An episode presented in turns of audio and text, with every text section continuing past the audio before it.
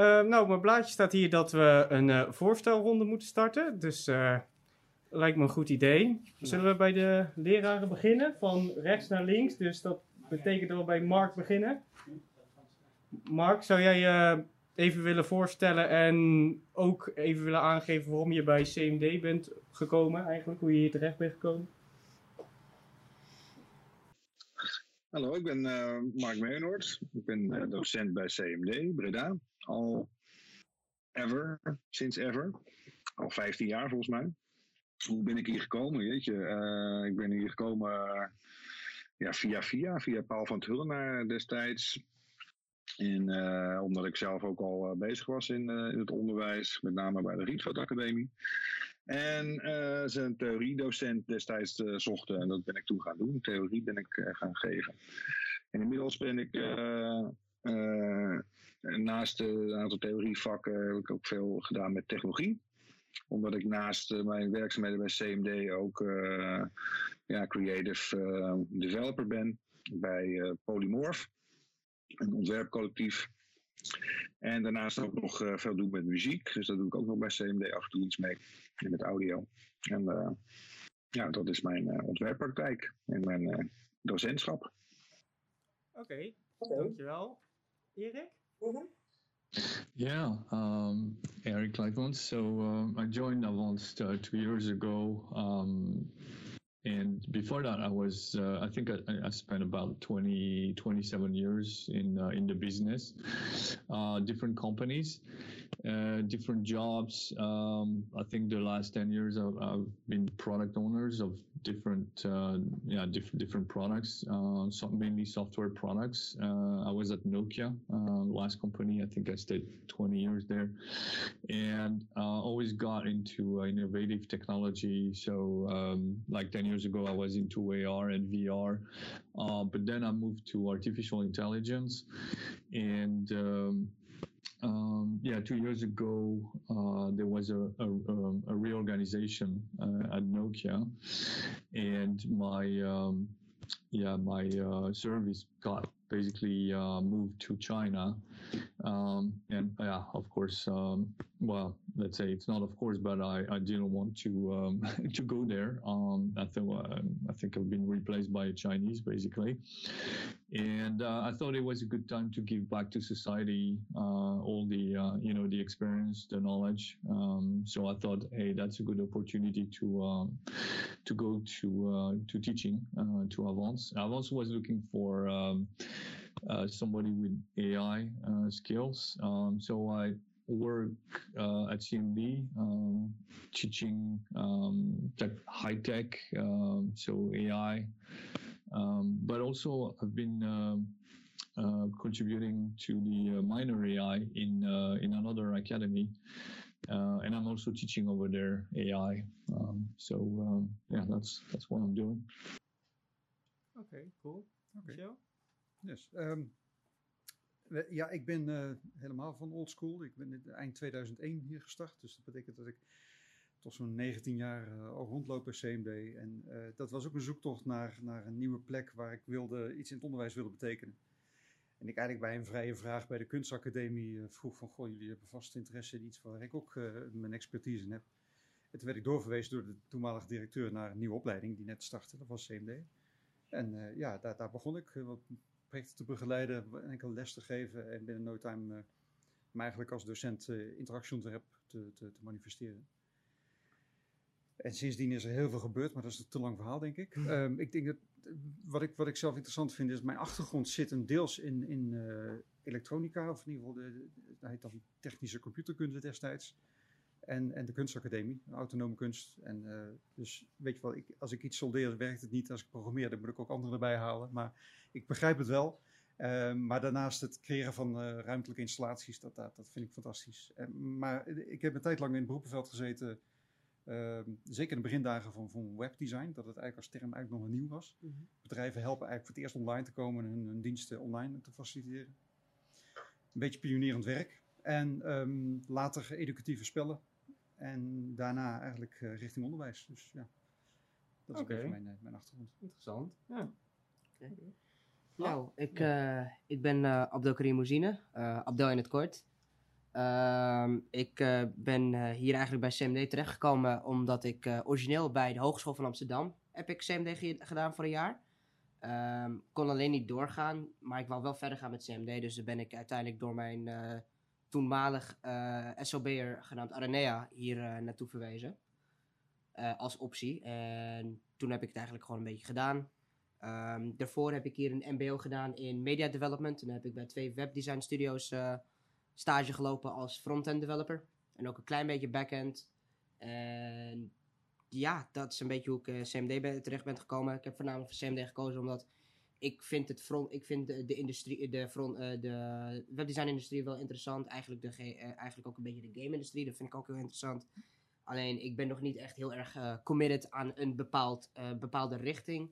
En ik vind het fijn van CMD dat het heel erg breed is en dat je daar verderop een beetje kan gaan specialiseren.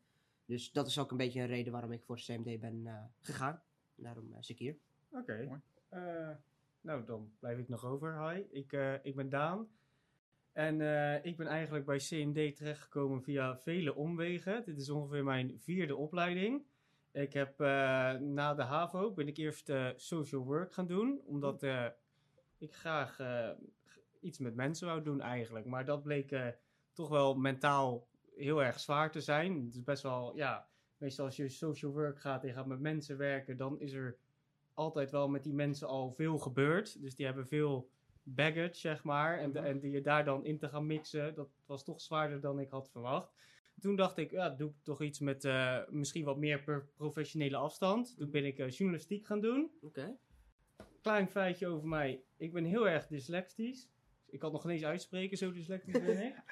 Um, dus uh, journalistiek was heel erg leuk en het interview was heel erg leuk. Maar het je moet voor, als je eigenlijk een journalist wil worden, moet je eigenlijk echt heel goed zijn. Het is echt een vak waar bijna de top vaak echt, echt uh, in, uh, ja, vaak in uitblinkt, in uitblinkt en ook vaak de, de beste banen krijgt, zeg maar. Meestal ga je eerst tien jaar freelancen en dan moet je hopen dat je een beetje er met kop en schouders bovenuit steekt.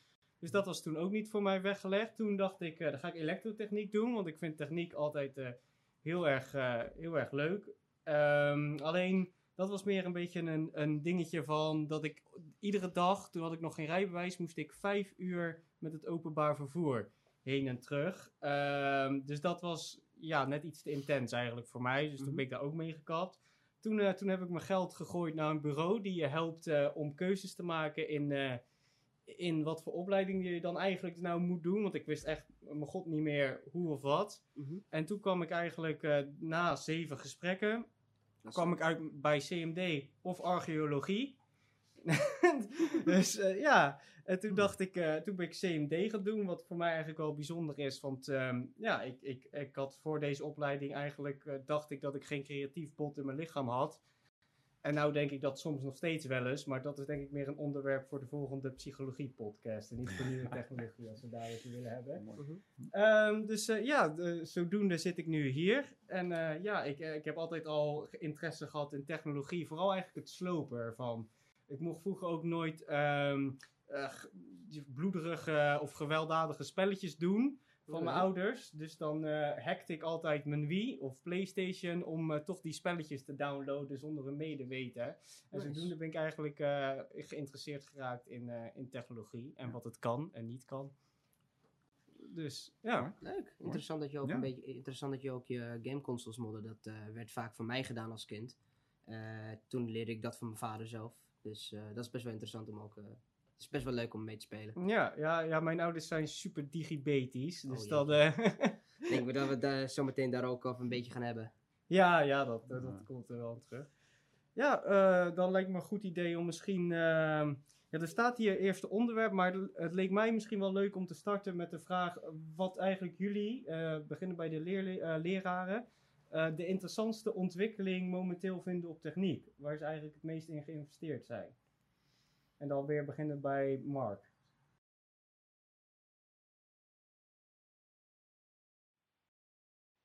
Oké, eh, en dat is vanuit het lijstje wat, eh, wat jullie hebben gestuurd? Of, dat dat, dat kan, maar als je, als je zelf iets hebt van dat vind ik het meest interessant, dan dat kan ook. Nou goed, ik ben eh, eh, vanuit. eh, er zijn heel veel dingen die ik interessant vind. Ik hoorde ook een aantal van jullie al zeggen CMD, dat is heel breed. Dus er zijn veel dingen waar je eigenlijk vanuit een ontwerpperspectief mee bezig kan zijn. En dat ben ik ook. Mijn achtergrond is overigens, ik kom uit de filosofie. Ehm, dus ik vind het ook altijd wel leuk om, om na te denken op een bepaalde manier of vanuit een bepaalde traditie over technologie. Ik heb dan ook esthetica en techniekfilosofie gestudeerd. Um, een van de dingen die ik interessant vind als ik het heb over technologie is ook professioneel. Hè, want ik ben uh, naast mijn uh, docentschap ben ik ook onderzoeker.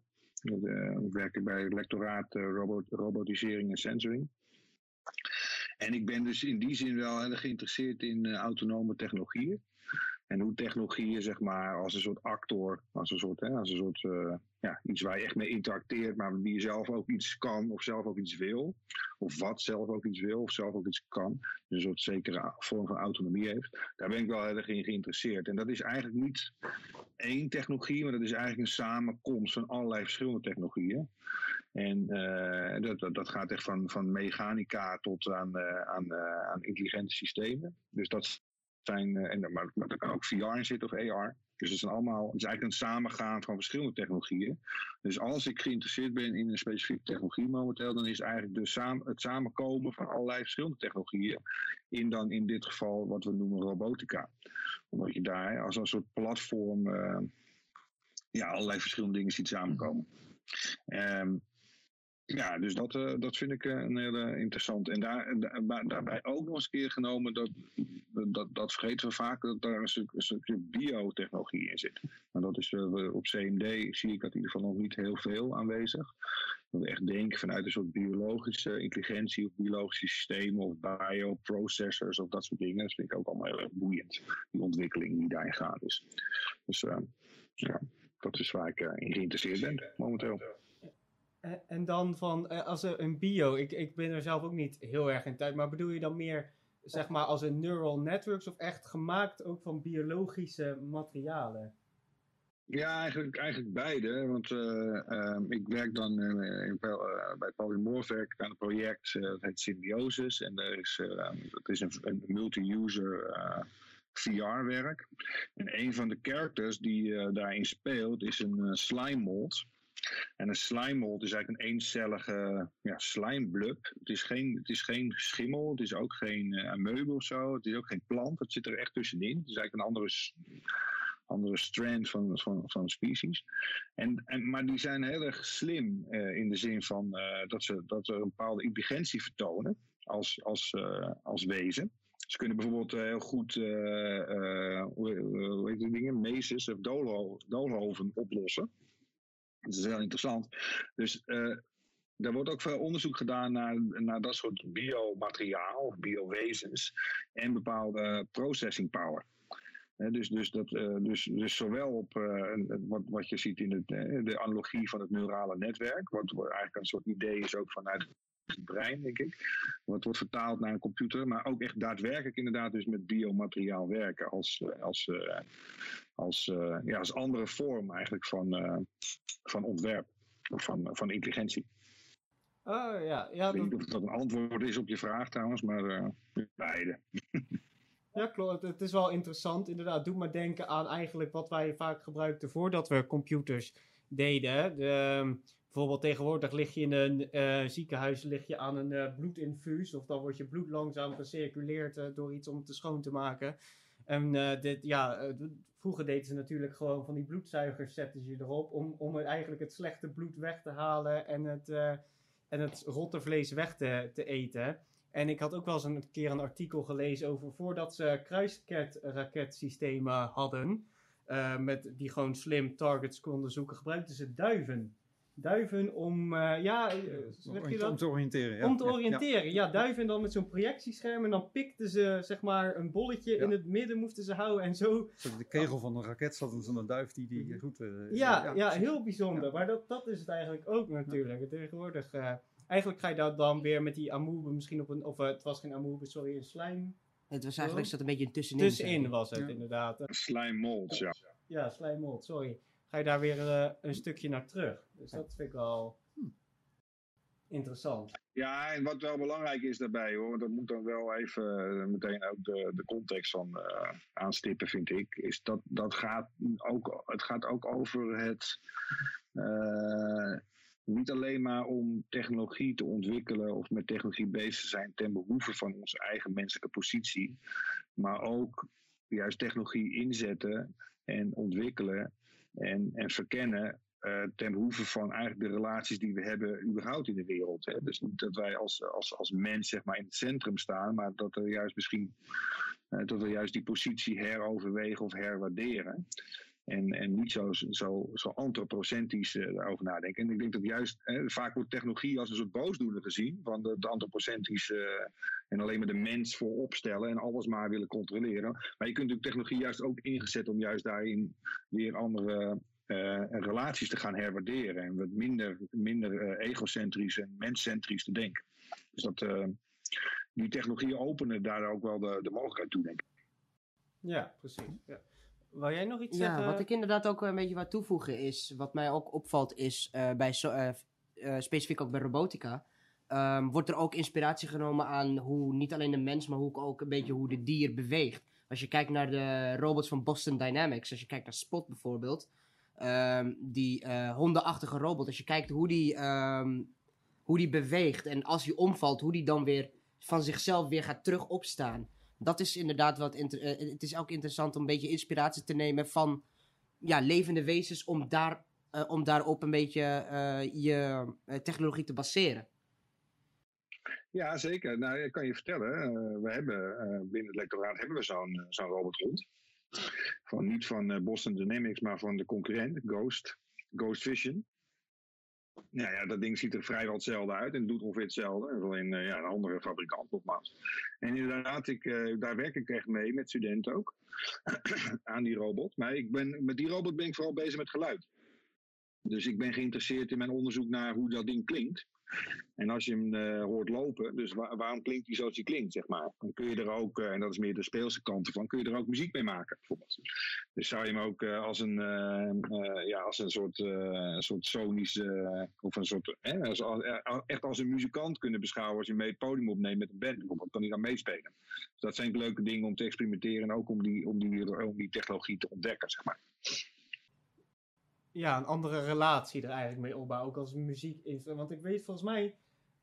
Um, want ik had toevallig pas een derde jaar had me er ook een berichtje over gedaan. Die ging er ook mee interacteren, had ik begrepen. Via EEG dan, wat ik ook heel interessant vond. Uh, maar... Ik heb al jou toegestuurd, ja. ja. Klopt, ja, dus ik heb hem ook al gesproken. Ik ga ook met hem bellen vanavond erover, want okay. dat was wel geïnteresseerd. Wel grappig. Zeg dat, ja.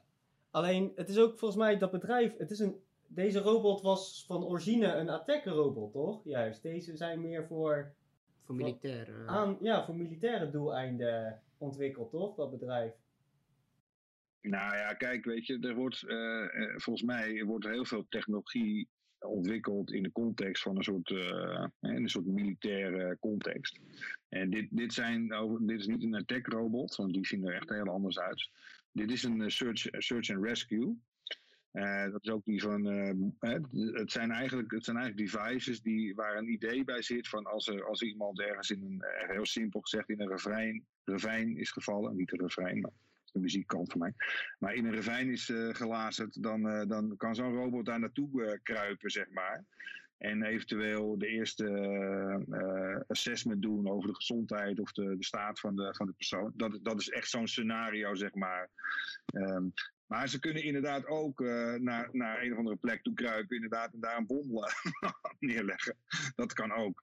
Maar goed, uh, het denken in, in zo'n context is altijd. Uh, ja, dat is eendimensionaal vaak. Hè? Dus één gaat maar één kant op. Dat gaat alleen maar richting een soort controle en een soort vernietiging. En dan, maar ik denk dat het veel interessanter is om, om die robots in te zetten voor hele andere doeleinden. Daarom probeer ik ze juist ook uit die context te halen waarvoor ze zijn ontworpen. Ja, je, je maakt ze letterlijk harmonieus eigenlijk door ze in muziek te zetten. Nou ja, dat, dat muziekdeel is natuurlijk meer het speelskant. Maar kijk, een robot, als je die hoort, dan, dan, dan vind je daar iets van. Hè? Dus die, die robot bestaat, dat kennen jullie wel, als CMD'ers, uit allemaal servomotoren. En die klinken op een bepaalde manier. En het blijkt dat als die, die, uh, als die duurder zijn, even tussen aanhalingstekens, dat we de, robot competenter vinden. Hè, dus als die robot beter klinkt, dat is met een auto natuurlijk ook zo, en veel andere devices is het ook zo. Dus eh, als die beter klinkt, dan vertrouwen we meer. En daar gaat het in mijn onderzoek om. Hoe kun je, eh, zeg maar, door, door eh, sound design in te zetten, eh, dat soort technologieën, eh, eh, da- daar bepaalde relaties mee ontwerpen. En dat gaat vaak over vertrouwensrelaties. Ja, precies. Want er gaat ook heel veel. Ja, ik, ik wou zeggen, er gaat ook heel veel onderzoek in hoe een deur klinkt als je hem dichtgooit bij een auto. Er zit heel veel onderzoek hoe die klinkt en wat dat bepaalt vaak de kwaliteit van de auto. Zeg maar. En vooral met elektrische auto's natuurlijk. Dat was toen nog wel een ding. Je hoort die motor niet meer. Dus je moet, je- de- die auto's moeten echt Je heel anders eigenlijk niet. Je hebt bijvoorbeeld met BM, eh, BMW specifiek met, eh, volgens mij was het de i3 en de, I, en de i9. Tenminste, de elektrische auto's die zij hebben. Zij moeten letterlijk een, eh, zij hebben in hun elektrische auto's ergens een speaker zitten die een benzinemotor simuleert. Zodat mensen hem daadwerkelijk kunnen horen. Want je hebt ook, je hebt ook van die elektrische scooters, als die bewegen, je hoort ze gewoon niet. Ze zijn zo stil. Nou ja, Nee, maar de- Zo, eh, ja, als je wat jonger bent, zou je nog dat, eh, eh, zou je nog dat hele hoge toon kunnen horen van elektrische motoren? Als je wat jonger bent, de, ja. een beetje de, de engine whine hoor je daar wel een beetje van. Maar naarmate je ouder wordt, hoor je dat eigenlijk niet. Ja, maar je hebt de, de, de functionele kant. Het- wij horen dat niet meer, Erik. maar ehm, eh, laten we even overstappen naar eh, Erik. Ja, die wou ik even, daar wou ik even specifiek bij Erik even een eh, vraag bij eh, s- Oh. zetten. Ja, ga je gang. Um, I'm, uh, I'm going to be asking you this in English, Eric. Um, to be specific, uh, you said that you worked at Nokia for over 20 years uh, with AI, correct? Mm. Yeah, so 20 years not in AI, but 20 years at Nokia, yeah. All right. So, um, uh, I do want to ask you this: If you were to compare, like, the AI development landscape when you were still working with Nokia and the AI uh, development landscape, like right now, how far have we come right now? Like, how different is AI, and how how many advancements have we had in AI so far? Um, yeah, um, that's interesting. Um, well, I'm I'm still in touch with uh, you know with my old uh, team members, um, and I think they're they they're still poking around. Um, so it's not like um, they've made huge progress. I think the, the the the business case to use AI at Nokia is still pretty much the same. Uh, so they are basically leveraging uh, supervised learning or unsupervised learning, um, and and and and it's uh, it's getting embedded in product and services, so that, that's okay. Uh, but they are doing now exploration in uh, reinforcement learning, uh, trying to see if if there is a possibility to um, to turn this or to leverage this into uh, into products or uh, services. And the latest I heard was that they were uh, running into a dead end street with that. So um, I think that yeah, that's the latest I heard. So we're still pretty much on traditional uh, supervised slash unsupervised learning. All right. Hmm. Okay. Um, what I have you? Uh, I recently saw an article what gained uh, quite a quite a some bit of attention about. Uh, you know, you have like neuro uh, Elon Musk with his uh, With thingamajig in his uh, in your head that uh, makes you able to control computers with your mind. Uh, but there was an article um, about uh, combining that with uh, AI. So scientists uh, had a neural implanted by a man who was paralyzed by the neck down, and the man just imagined writing letters, and then uh, machine learning was used to um, have that uh, be interpreted into actual um, actual letters. So he, he he wrote what he think was an A, and then the machine learned what he thought was an A by looking at it. And then uh, because normally it was used, you you would uh, control neuro uh, your neural implant would look like a cursor. You would just type with your mind by looking at letters, but this one is like actually handwriting. So he will he was uh, yeah they were combining neural implants with AI. Um, have you seen that article? No, I, have, I haven't. What do, what do you think about it? Uh, like the uh, yeah, actually the because AI now and algorithms are mostly used to actually uh, be um, useful for the for the masses to have like large data be compromised into It's mostly used for it's mo- AI is currently mostly used for commercial purposes when you combine it with like algor with uh, when you combine it with algorithms like look how uh, Facebook is using their uh, machine learning algorithms mostly to be used for uh, for data analysis and for advertising.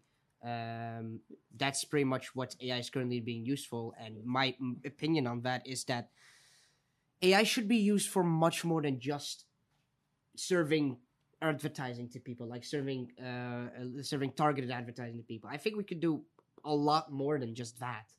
But I have the feeling like that large businesses who are uh, leading in AI development are only leading in AI development because of the because of the uh, commercial uh, because of commercial reasons, not really for uh, for innovation. That is, that's at least what I'm thinking.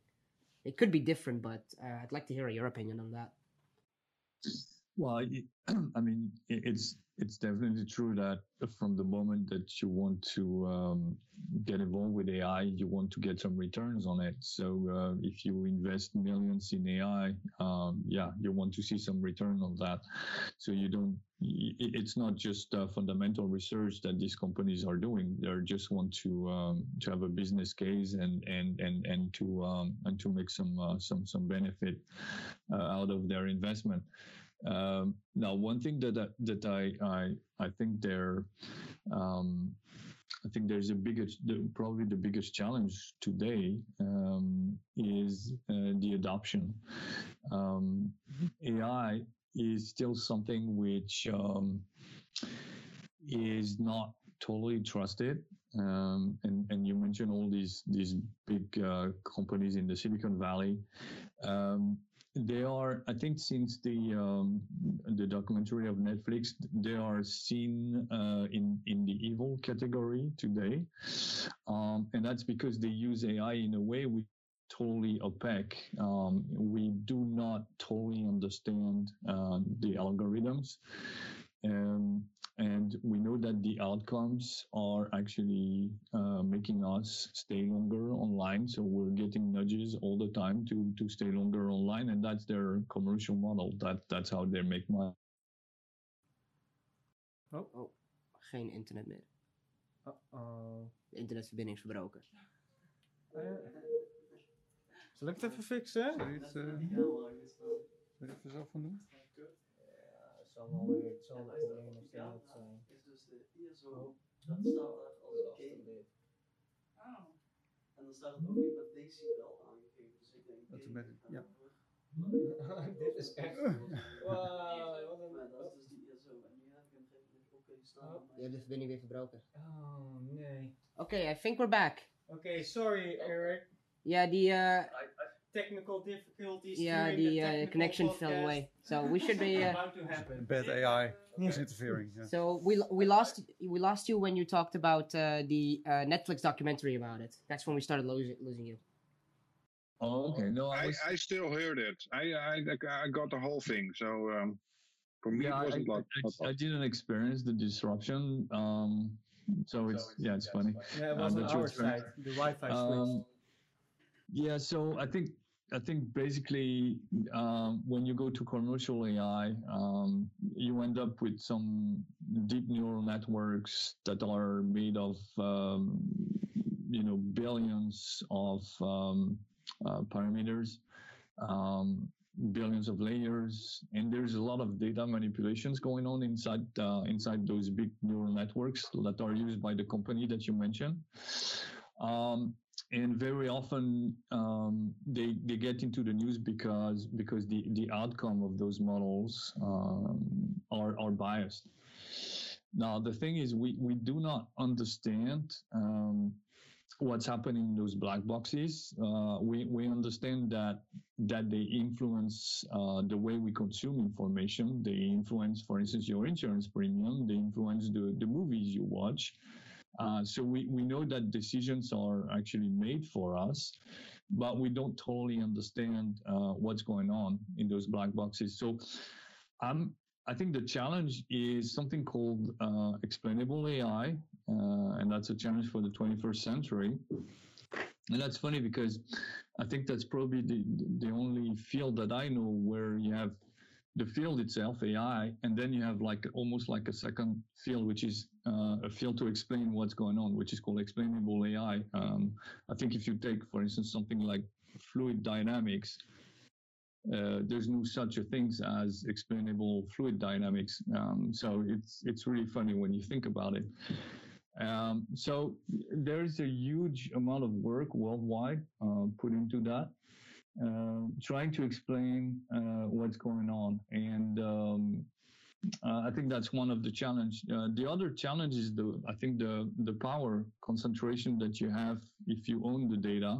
So when you mention those those big platforms, um, data is the new gold. Um, I think it creates a lot of wealth and there is no real democratization because the only way to get this data um, and to do something you, you, need a lot of computing power uh, you need also to have the uh, the, the, the, knowledge.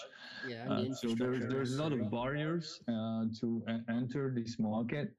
And um, what you see is that I think the, uh, the, there is some kind of geopolitical power which is shifting. I mean, I think if you look at if you compare, you know, people say data is the new oil. Um, now the oil business is is phasing out, um, uh, and and and I think the world as it is today has been uh, pretty much influenced by that by that oil geo, geopolitical power. But I think it's going to change on the longer run. I think there's going to be a shift based on the data uh, geo, geopolitical power.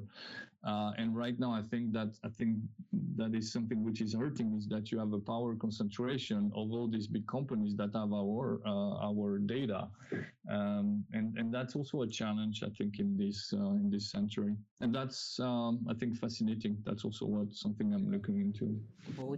Oh, so uh, yeah, okay. So wait, yeah, that's interesting that you say the geopolitical uh, situation when it comes to AI because what you also currently have is um, facial recognition is also a big uh, controversial topic.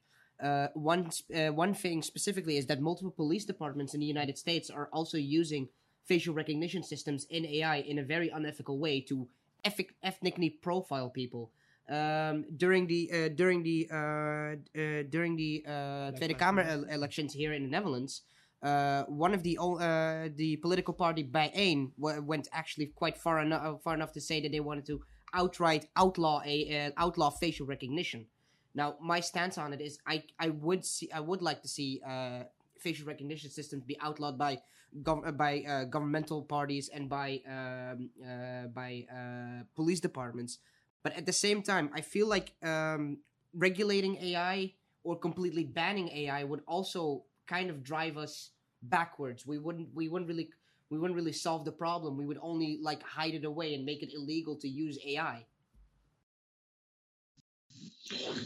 Yeah. Um, so I think there's more and more, there will be more and more regulations coming into place. Um, that reminds me that um, um Europe um, has a um, has a guidelines, and I, I think they recently they were in the news because they publish a uh, as as an extension to the GDPR. I think it was called Article 22, where uh, individuals can actually challenge decisions made by an algorithm or an AI system using their personal data.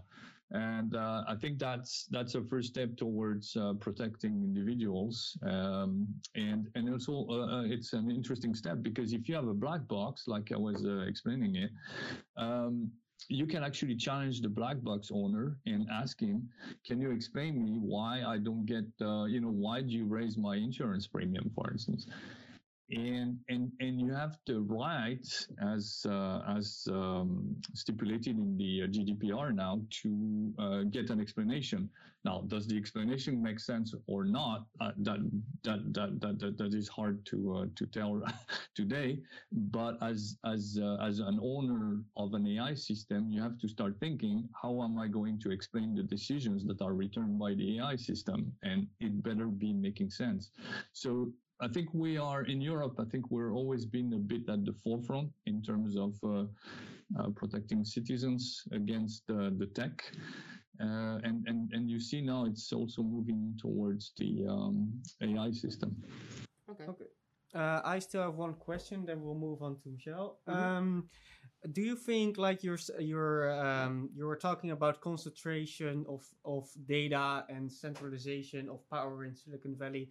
Do you think, uh, since we're talking about new technology, uh, like things like blockchain could bring about a change in that, like decentralized peer-to-peer giant supercomputer networks? Could those mean a shift in who owns the data and who who owns the the power over those uh, algorithms. Yeah, if, um, I'm not uh, super knowledgeable in blockchain, um, so that's difficult for me to answer that. Um, I'm, um, I'm, I'm, I'm, I'm thinking that the, the power really sits in those companies um, that, that do have the data in their uh, possession. Uh, I think in those companies there is a, uh, a subculture. Um, I think it's strongly white male dominated. Uh, I think those companies are in their bubble. Uh, and and that they are dominating our lives. So would would would the blockchain technology would would that break these bubbles? Um, yeah, I I I don't know. I really don't know. Okay. Het is wel interessant dat jij het eh, over blockchain hebt, want eh, blockchain, eh voornamelijk en eh, cryptovaluta, in, eh, als we, ne- wanneer je aan blockchain denkt, denkt iedereen bijna altijd aan cryptovaluta zoals Bitcoin en Ethereum. Ehm, het is wel interessant dat daar momenteel over gesproken wordt, want daar is, eh, in, in dat veld is nu momenteel ook een probleem. Want eh, wanneer we even, eh, ik ga het dan heel even hebben over, over cryptovaluta nu. Als je, kijkt naar, als je kijkt naar Bitcoin, waar origineel door Satoshi Nakamoto wordt bedacht na de val van de banken in 2008, van we, kunnen de banken niet meer, we kunnen de banken niet meer vertrouwen. We moeten met een gedecentraliseerd systeem komen voor onze betalingen. De, eh, Bitcoin specifiek is nu een beetje in de problemen gekomen. Dat eh, laatst was er, eh, want Bitcoin wordt, alle transacties worden geverifieerd door Bitcoin mining. En dus jij doet een transactie, een Bitcoin miner die lost die transactie op. En wanneer de, bit, en, de, en de Bitcoin miner krijgt een gedeelte van Ja, de ja. totale transactiekosten. Nou was er laatst, ik denk vorige maand, was er, een, was er in China, in, de, in een bepaalde provincie, ging, eh, eh, ging een, eh, een hydrodam, dus om elektriciteit mee te genereren, Mhm. die, ging uit voor, eh, die werd uitgeschakeld voor onderhoud. Dat soort, en in specifiek in die Chinese provincie zat een gigantische Bitcoin mining, mining facility. Ja. En omdat die geen stroom meer had, ging de Bitcoin hashing rate, dus de, de rate dat de transacties gemined werden, ging heel hard omlaag. Ja. Dat zorgde ervoor dat de prijs van Bitcoin heel hard omlaag ging. En tegelijkertijd ging Ethereum, Binance Coin, Litecoin, eigenlijk alle andere eh, cryptovaluta ging daarmee tankte ook heel erg om. Hij tankte ook omlaag. Omlaag. Dat tankte ook Oké. omlaag, want eh, Bitcoin heeft nog steeds een vrij grote dominantie. Dus als Bitcoin omlaag gaat, dan gaat Ethereum va- vaak ook ermee mee. En als Ethereum omlaag gaat, gaan alle andere altcoins ook mee. Dus Bitcoin heeft een beetje een probleem. eh, Heeft, heeft een probleem die ze, waar het origineel was bedacht om dat probleem niet te hebben. Ze hebben nu een grote centralisatie, maar in plaats van centralisatie door banken, hebben de Bitcoin miners die hebben heel veel macht. Daarom zijn platformen zoals Ethereum en Cardano, die zijn in plaats van proof of work, zijn proof of stake modellen. Ik ben niet helemaal, eh, ik weet niet precies hoe, de, daar, hoe het daar, precies, hoe het daar eh, werkt om transacties te, eh, op te lossen. Maar nu is er een beetje die shift ingegaan van, oh, mining moet ook uitgefaseerd worden, want dat geeft zorgt ervoor dat je te veel macht hebt. Als je heel veel kan minen, De grote stakeholder. heb je een te grote Ja. stake in, de, in, het, eh, in het hele blockchain systeem en in het hele cryptovaluta systeem. Hm. Dat is eh, even iets wat ik eh, wou toevoegen aan eh, Oké, blockchain. interessant. Nou ja, ik- volgens mij illustreert het dat we eigenlijk ontzettend afhankelijk zijn van elektriciteit. Zeker. En als het systemen zijn gekoppeld, ze zijn allemaal geschakeld en er hoeft ergens iets mis, mis te gaan. En dan is het, de economie krijgt er direct een effect ervan. Mhm. Ik vind het het effect op maatschappij zijn eigenlijk veel belangrijker. Daar hebben we het eigenlijk ook voor een deel over als het over veiligheid en eh, privacy gaat. Mhm. Maar ehm, ik, zeker de, de invloeden, en daar hadden we het met Mark net ook over, dat, dat eh, het leren van, van biologie en van, van niet-elektrische systemen. eh, en, en wellicht eh, manieren te communiceren die een nieuwe manier van infrastructuur creëert. Dat we minder afhankelijk zijn van die elektriciteit. Zou best kunnen helpen. Ik heb er nog geen beeld bij, maar dat, ik denk Nee, dat daar veel te veel. Ik bedoel, het, het legt steeds vaker bloot dat als er ergens iets uitgeschakeld wordt, wat het effect op de economie is. En dat is het enige waar we ons bang, druk om maken eigenlijk. Nee, dat klopt inderdaad. het gaat om de maatschappelijke Zeker, zeker. invloed daarvan. Ja, en het probleem zit ook natuurlijk erg in, eh, wat, wat ook eh, volgens mij eh, Erik aanstipt, maar Michel nu ook. Het in, dat, dat zijn systemen die zijn gebaseerd op groei. En daar wordt natuurlijk wel wat aan gedaan, denk ik. Ik ben ook geen expert in het crypto-valuta-verhaal, maar de, de- de systemen die zijn ge- gebaseerd op groei, daar zit natuurlijk een fundamentele flaw is daar aan de hand. Hè? Want, want- groei is eindig, zou je kunnen zeggen. Tenminste, dat is ook weer een gedachte, maar daar, ben ik wel, daar sta ik wel achter, die gedachte. Dus zodra je, dat, eh, zodra je dat implementeert in wat voor ontwikkeling dan ook, en dat het er allemaal gaat om vooruitgang en om groter en om meer en om beter en om, om dat soort, dat soort ideolo- ideologische concepten, zeg maar. En daar, daar, zijn, daar zijn echt fundamentele problemen. En die zie je nu ook wel eh, op allerlei terreinen, zie je die bewaarheid worden, zeg maar, denk ik, in, eh, onze, in, op, allerlei, op allerlei fronten. Dus eh, ja, dat is wel interessant. Om daar andere, andere, andere vormen, andere modellen, andere, andere technologieën in dit geval, waar we het nu over hebben, ook voor te ontwikkelen. Die veel minder zijn gericht op het eh, meer of beter of sneller of eh, groter worden. Maar misschien meer circulair of op een andere manier. Of ook zelfs misschien zelfs. eh, en dat is in de robotica heel interessant, hè? Dat, er- dat er, wordt nagedacht over een robot die kapot kunnen gaan en daar zelf een beslissing over kunnen nemen of ze kapot gaan. En daarmee een soort, soort kwetsbaarheid creëren. En daarmee ook veel meer in een soort, soort eh, eh, natuurlijkere, ja, technologisch natuurlijke eh, staat zeg maar, ontwikkeld worden. En ook kunnen gaan interacteren met de omgeving. Ik vind dat een hele boeiende gedachte. Mijn printer beslist echter iets te vaak zelf om stuk te gaan op de slechtste momenten. Dat, Ja. voel- die voelt, dat is altijd, ja, de printers die voelen je angst, zeg maar. Dat, eh, die- dat is ook leuk. Een apparaat wat eigenlijk het niet doet, daar, daar in ieder geval uit mijn ervaring, daar, daar ga je meer emotie aan toekennen dan een apparaat wat constant wel gewoon zijn ding doet. Als, jij als, jij, als iets opeens in de weg gaat liggen, zoals je printer, dan is het opeens een lul. Eh, maar als hij het goed doet en zijn werk doet, dan is het gewoon normaal, zeg maar. Er, worden ook wel, er zijn ook wel bepaalde verwachtingen van technologie. Wat wel eh, grappig is, zeg maar. Ja, voor mij inderdaad, ik vind technologie, het, het zorgt, het, ze willen steeds meer en beter en, en voor de grote massa en zo. Alleen ik ben meer geïnteresseerd eigenlijk in technologie, wat eigenlijk het speelveld gewoon gelijk trekt voor de mensen die er nu zijn. Ik vind het leuker als technologie gebruikt wordt om voor die ene persoon die bijvoorbeeld niet goed kan praten, als daarvoor eh, speech recognition, een speciaal model voor wordt ingetraind, zodat hij gewoon kan communiceren, zeg maar, eh, als een normaal persoon, En zeg zoiets, maar. Dat die- zoiets bestaat ja, al ja, wel beetje. zeker. Je had zo'n programma een eh, tijdje terug. We gaan het maken, heette het. En daar Mhm. ging een groep ontwerpers. Die Mooi gingen echt persoonlijke oplossingen maken voor mensen die gewoon... Ja, eigenlijk gewoon of een beperking hadden gekregen of iets mee eh, ja, was gebeurd. Gewoon dat ze, waardoor ze niet konden zwemmen of niet konden praten. Mhm. En daar gingen ze gewoon hele specifieke oplossingen voor maken. En dat eh, vaak heel technologisch.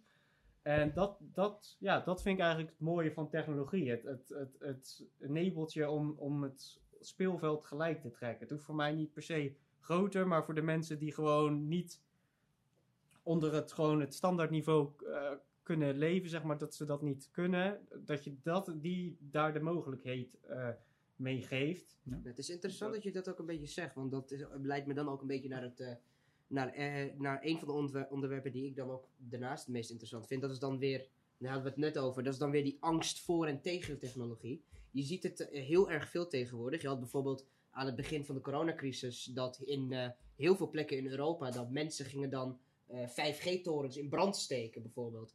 Je hebt ook bijvoorbeeld eh, mensen die heel erg bang zijn voor de, eh, voor de nieuwe variatie van mRNA-vaccins.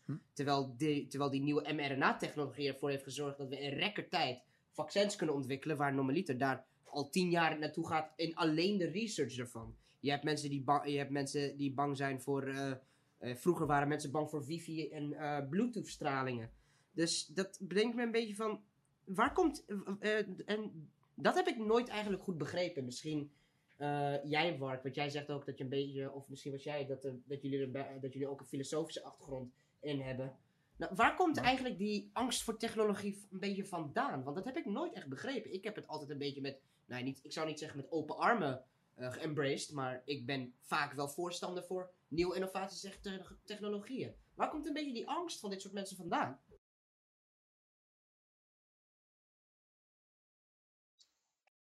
Aan wie is die vraag gesteld?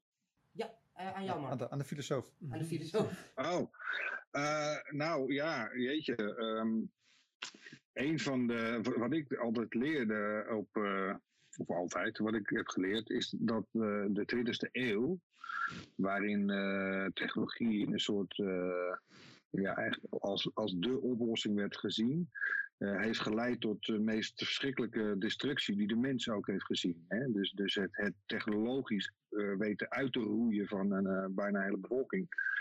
En, en maar ook vo- volledige op globale schaal destructie weten toe te brengen aan, aan, aan mens, dier en omgeving en alles een beetje wat je maar, wat je maar als, vanuit het perspectief van de mens lief zou kunnen hebben.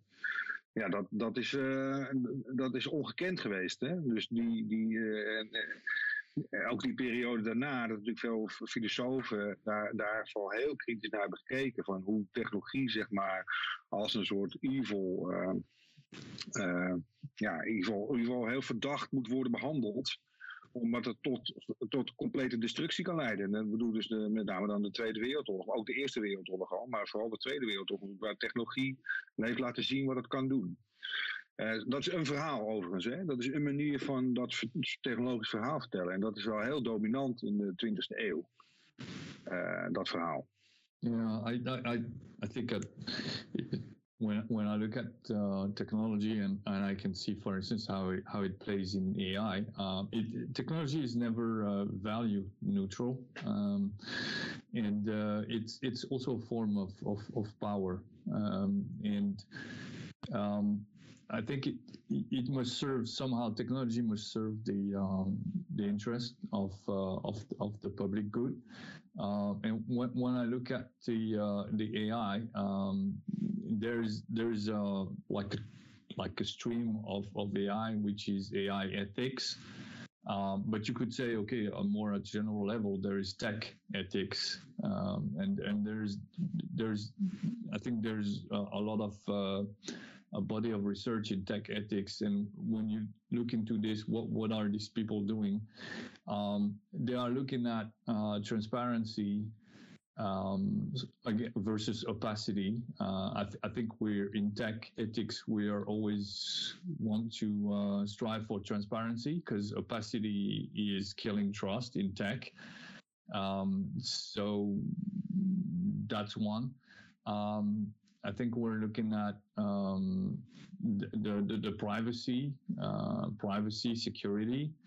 Uh, we're looking at uh, surveillance. Um, I think we're looking at social, uh, cultural uh, consequences, um, and, and maybe there's more. But I think all that is part of tech ethics, and, and I think there's a growing concerns um, in tech ethics when we look at the um, yeah the the emerging or upcoming uh, trends in techs. because uh, when I uh, uh, when I look what hap- uh, what happens nowadays, it is slightly worrying when we look at like what Facebook did with Cambridge Analytica. Actually, the size of Facebook and Google in general is a pretty big concern. When we look every every day, we wake up to an email of some sort of major company having a, a major data leak. Um, for example, MyFitnessPal had a data leak. Uh, I think some uh, some dating app uh, dating apps had major data leaks. Um, you also have higher numbers of vaccine hesitancy because people just don't trust how fast these vaccines were developed, even though we already had the research, we have new technologies. Uh, I feel like um, tech companies are really are making itself more difficult because they're making dubious decisions. And uh, when we now look at things like Internet of Things, like you can have, um, uh, I wrote something about this last year um, you have uh, devices like smart uh, like smart home applications, smart lights, and smart uh, speakers, which are good in of itself, but usually they only they use uh, default uh, security settings, which any person with a brain can can technically just easily get in and get your house data. for example, uh, Kaspersky, the uh, the uh, the Russian security company, did research on uh, multiple um, Internet of Things uh, devices, and they found that uh, multiple Internet of Things devices, almost 250,000 of them, were uh, were compromised and were pretty much uh, were pretty much connected together to create a botnet to uh, to facilitate DDoS attacks against people. So I feel like companies are taking lax approaches to uh, secure to data security, and at the same time, we also have these companies collecting more and more data, which pretty much keeps feeding it of itself, and then we get all these stories about data getting out, which would pretty much feel, uh, which pretty much gets the general public to be to grow more resentful against them. That's at least what I'm seeing. Well, yeah, I have to add to that. I think that's what uh, Eric always uh, also was saying about like opacity and transparent uh, transparency. When you leave the tech uh, opaque, Mhm. you leave room for interpretation. So that's what like the 5G and the, and the other thing. Like p- not many people would even understand it if you made it transparent. Mhm. But like if you just be uh, stay vague about it and don't want to explain it, someone else is gonna step in Mhm. and see the opportunity to to actually take power, but to uh, iemand, uh, een hele groep mensen iets op de mouw te spelden, zeg maar. En dan kan je gewoon zeggen van, oh, we don't know something, but I know it's it's bad. It must be bad because we don't know. So so that's and then and panic is a very powerful emotion. So uh, if it's opaque, it, it leaves it leaves it open for interpretation for other people to fill in. Just like yeah, yeah, the like satanic panic in the 80s. It's it's it's has a, a bit of the same uh, yeah, karakteristieken daarvan in my opinion. Like oh, we don't know about rock or kiss or people wearing makeup, men wearing heels. Uh, so yeah, th- they must be weird. They they they must be dangerous. Like it's um, it's like the tech tech panic instead of satanic panic. Ja, daar wou ik het ook even een beetje met eh, jou over hebben, want jij zit al hier in het vak vrij lang. Ehm, van, eh, Bij CMD. Ja, bij CMD inderdaad. En een van de gedeeltes waar we dan natuurlijk ook over moeten nadenken is, denken is communicatie. Hm. En hoe kunnen we dan eh, ervoor zorgen... hoe kunnen we dan ervoor zorgen dat wij, eh, ja, dus het probleem, eh, een van de grote problemen is dat mensen dus niet, sn- eh, niet snappen, zelfs al zouden al deze bedrijven transparant zijn, je ziet ook dat al die eh, end-user license agreements en al die andere dingen veel korter en korter en korter zijn gemaakt, maar de gemiddelde persoon snapt er nog steeds niet echt heel veel van. Ja. Hoe kunnen wij dat mak- hoe kunnen we, hoe kunnen wij dat binnen het vak een beetje makkelijk maken voor mensen om dat te laten weten? Hoe, hoe kan dat goed gecommuniceerd naar hun worden? Nou, interessante vraag, want ik, ik merk dat heel veel studenten zijn ook richting het afstuderen. Die, die, die, bijna elk jaar hebben we één of twee mensen die iets hieraan zouden willen doen. En dat hieraan is dan is, is de issue dat je ziet dat mensen of misleid worden of zich vergissen of achteraf last hebben van verkeerd datagebruik, et cetera, et cetera. Dus je zit heel erg, dus de, de, de oplossing lijkt heel erg in de voorlichting te zitten. En, en, en nog mooier genomen, de interface die jou zou moeten helpen om te begrijpen wat je op dat moment aan het doen bent en of er risico's zijn. Ik denk dat ook een probleem zit in dat in de marketing, nu het had over IoT en producten die, die verkocht worden als oplossingen, terwijl ze eigenlijk verkocht zouden moeten worden als, als, als opties, als elementen die, waar jij zelf voor een deel verantwoordelijk voor bent om dat te integreren. Technisch is alles integreerbaar, dus daar ligt de oplossing. Maar wat, wat niet verkocht wordt, of niet duidelijk wordt gemaakt, is dat je daarmee nieuwe elementen van, van gevaar creëert. Ehm, Je hebt bijvoorbeeld met eh, Amazon's eh, Ring, dat is dan de video deurbel die zij hebben. Ja. Een groot gedeelte van de Amazon's Ring, de, van, er was, ook- daar had ik ook een keertje over geschreven, is dat, eh, dat Amazon die data ook heel snel deelt met, ehm, met, eh, met autoriteiten. En dat die, R- dat die ringvideo eh, elementen, die worden snel, eh, die kunnen vrij makkelijk opgevraagd worden. Daar doet Amazon helemaal niet moeilijk over.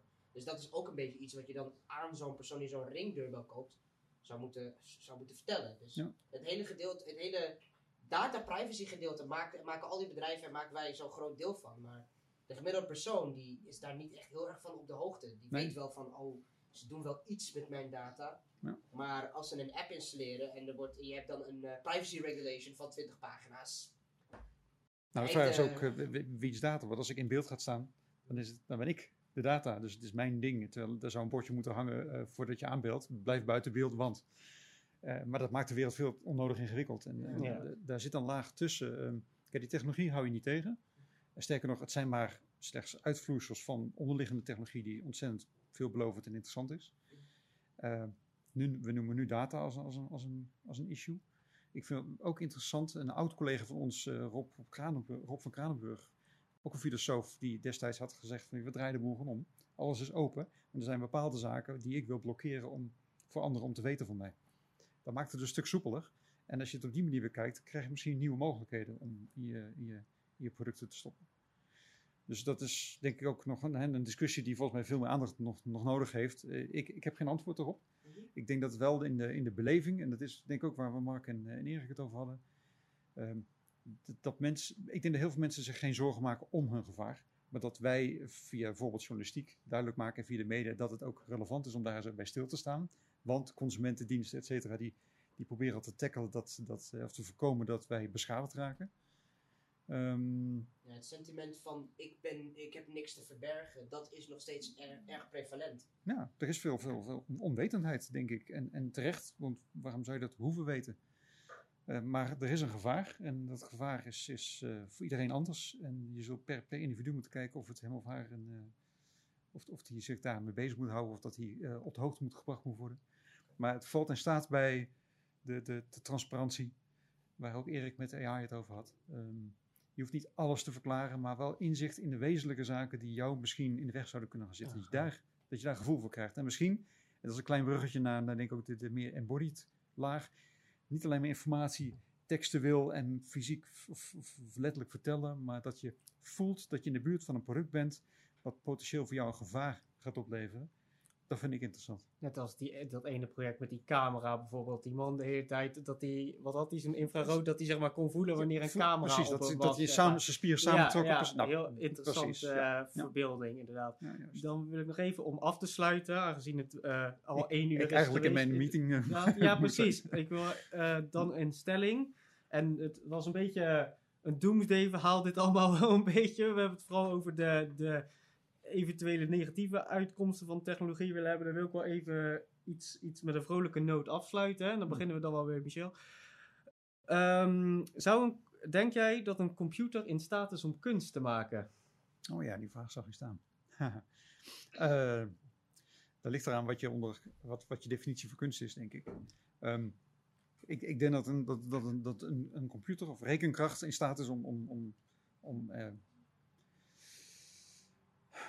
om, om iets te maken waarvan wij als mensen zeggen dat valt onder de, de categorie kunst. Maar volgens mij is jouw vraag aan mij van zou dat dan kunst moeten zijn? Zou die Ehm, ja, Ik, ik geloof wel in dat, dat het ontwerpen gevoed kan worden door, door denk, rekenkracht. Ehm, maar het is geen, het, ik noem het geen denkkracht. Ik denk nog steeds dat eh, wat in, als eerste antwoord, zonder goed nagedacht te hebben, mijn idee van wat kunst zou kunnen zijn, is dat het, dat het soms een statement is of een, een persoonlijk gevoel wat iemand wil uitdragen door middel van een werkstuk. Ehm, ik denk dat, dat de technologie daar een hulpmiddel in kan zijn. En dat het zelfs een voorschot kan doen. En dat er zelfs ontwerpen gedreven kunnen zijn door technologie. Mhm. Maar dat er iets wezenlijks mis, letterlijk het woord wezenlijk, wat het eh, zo authentiek maakt. Ik zie zelf daarom persoonlijk eh, een, kun- een AI of een computer zie ik een beetje net zoals eh, een, kwast of een, eh, o- of een, of een pikhouweel. Het is een tool om kunst mee te maken, maar ik zou niet zeggen dat een AI zelf kunst zou maken. Ze, zou iets kunnen ze zouden iets kunnen genereren, maar, Ja. ze zouden, maar de betekenis is er nog niet echt Oh. achter. Oh.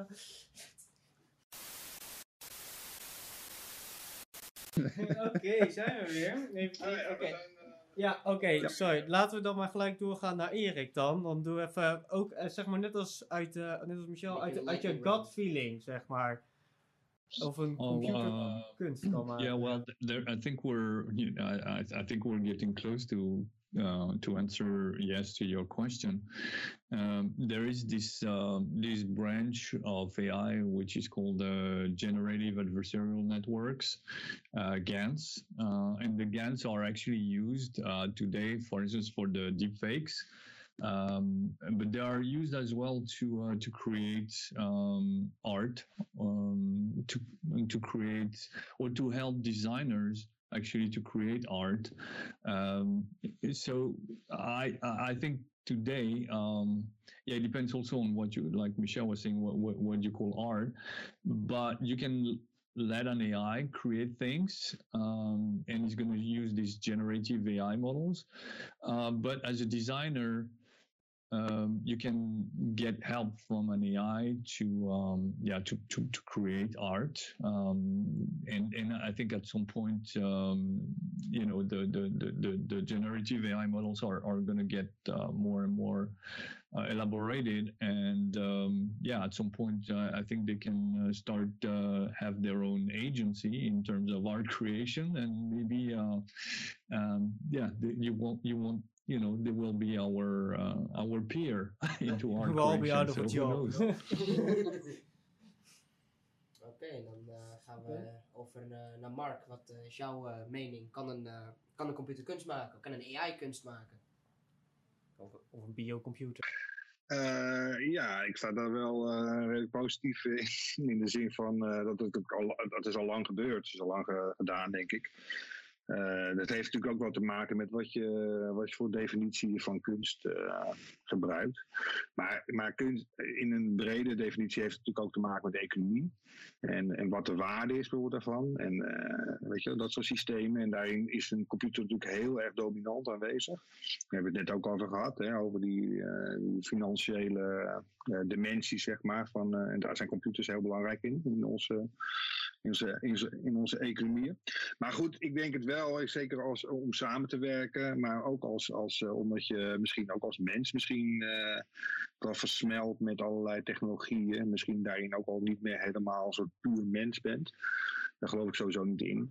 En in die zin eh, ja, is het sowieso een samenwerking hè, met, met, met allerlei computers of machines. Die we gebruiken om kunst te maken. En, eh, en ook als eh, autonoom systeem. Dus eh, ja, ik, denk, ik geloof er zeker. Ik bedoel, er zijn hele mooie voorbeelden van. van, van ik heb zelfs een student gehad in jaar drie die een onderzoek deed in mijn lab. Of het lab, maar wat ik begeleide. En die heeft een stapelrobot in een conservefabriek kunst laten maken. Door hem te laten tekenen in de fouten, met de fouten die hij zelf maakte. Door elke keer eh, te vergeten potje op te pakken. Daar heeft hij daar een tekeningen van gemaakt. En die heeft hij vervolgens opgehangen in die fabriek. En alle de andere werknemers die in die fabriek konden rondlopen, konden dan kijken naar de kunst die die robot had gemaakt. En daar zit natuurlijk een, hè, daar zit natuurlijk een soort samenwerking in. Maar het is al vanaf, ja, ook al is het alleen maar een samenwerking, dan is natuurlijk die robot daar ook een partner in. En, en die computer ook een, hè, een agent in, in die zin. En, eh, en, en ik denk uiteindelijk, de bottom line is, door die vraag te stellen, heb je hem al beantwoord. Dus hetzelfde als dat je je afvraagt, ben ik verliefd? Ja, als je dat je afvraagt, dan ben je verliefd volgens mij. En dat is, eh, in dit geval geldt het hetzelfde. Dus ja, Ja, interessant. En ook leuk dat het dan inderdaad door de fouten is. Dus eigenlijk door dingen die buiten zijn programmering vallen, vallen die fouten, heeft hij die kunst gemaakt. Dat misschien met kunst ook wel vaak ook wel wordt gezien als dingen die buiten het mainstreamen, buiten je normale dingen valt. Dat is vaak als, wat als kunst ervaren wordt misschien wel. Of daar beginnen de meeste kunstige dingen, creatieve dingen. Spontaniteit, ja. ja. Ja. Ja. Ehm, ja, aangezien de tijd eh, moet ik helaas afsluiten. Er zijn nog veel meer dingen. We kunnen denk ik Ja. eeuwig doorpraten. praten. maar eh, ja, ehm, ik wil jullie allemaal bedanken. Ja, Dus eh, heel fijn. En bedankt voor het geduld. Sorry dat het een beetje een hobbelige start was. Ja, dat... eh, maar Sorry vanuit ons hoor.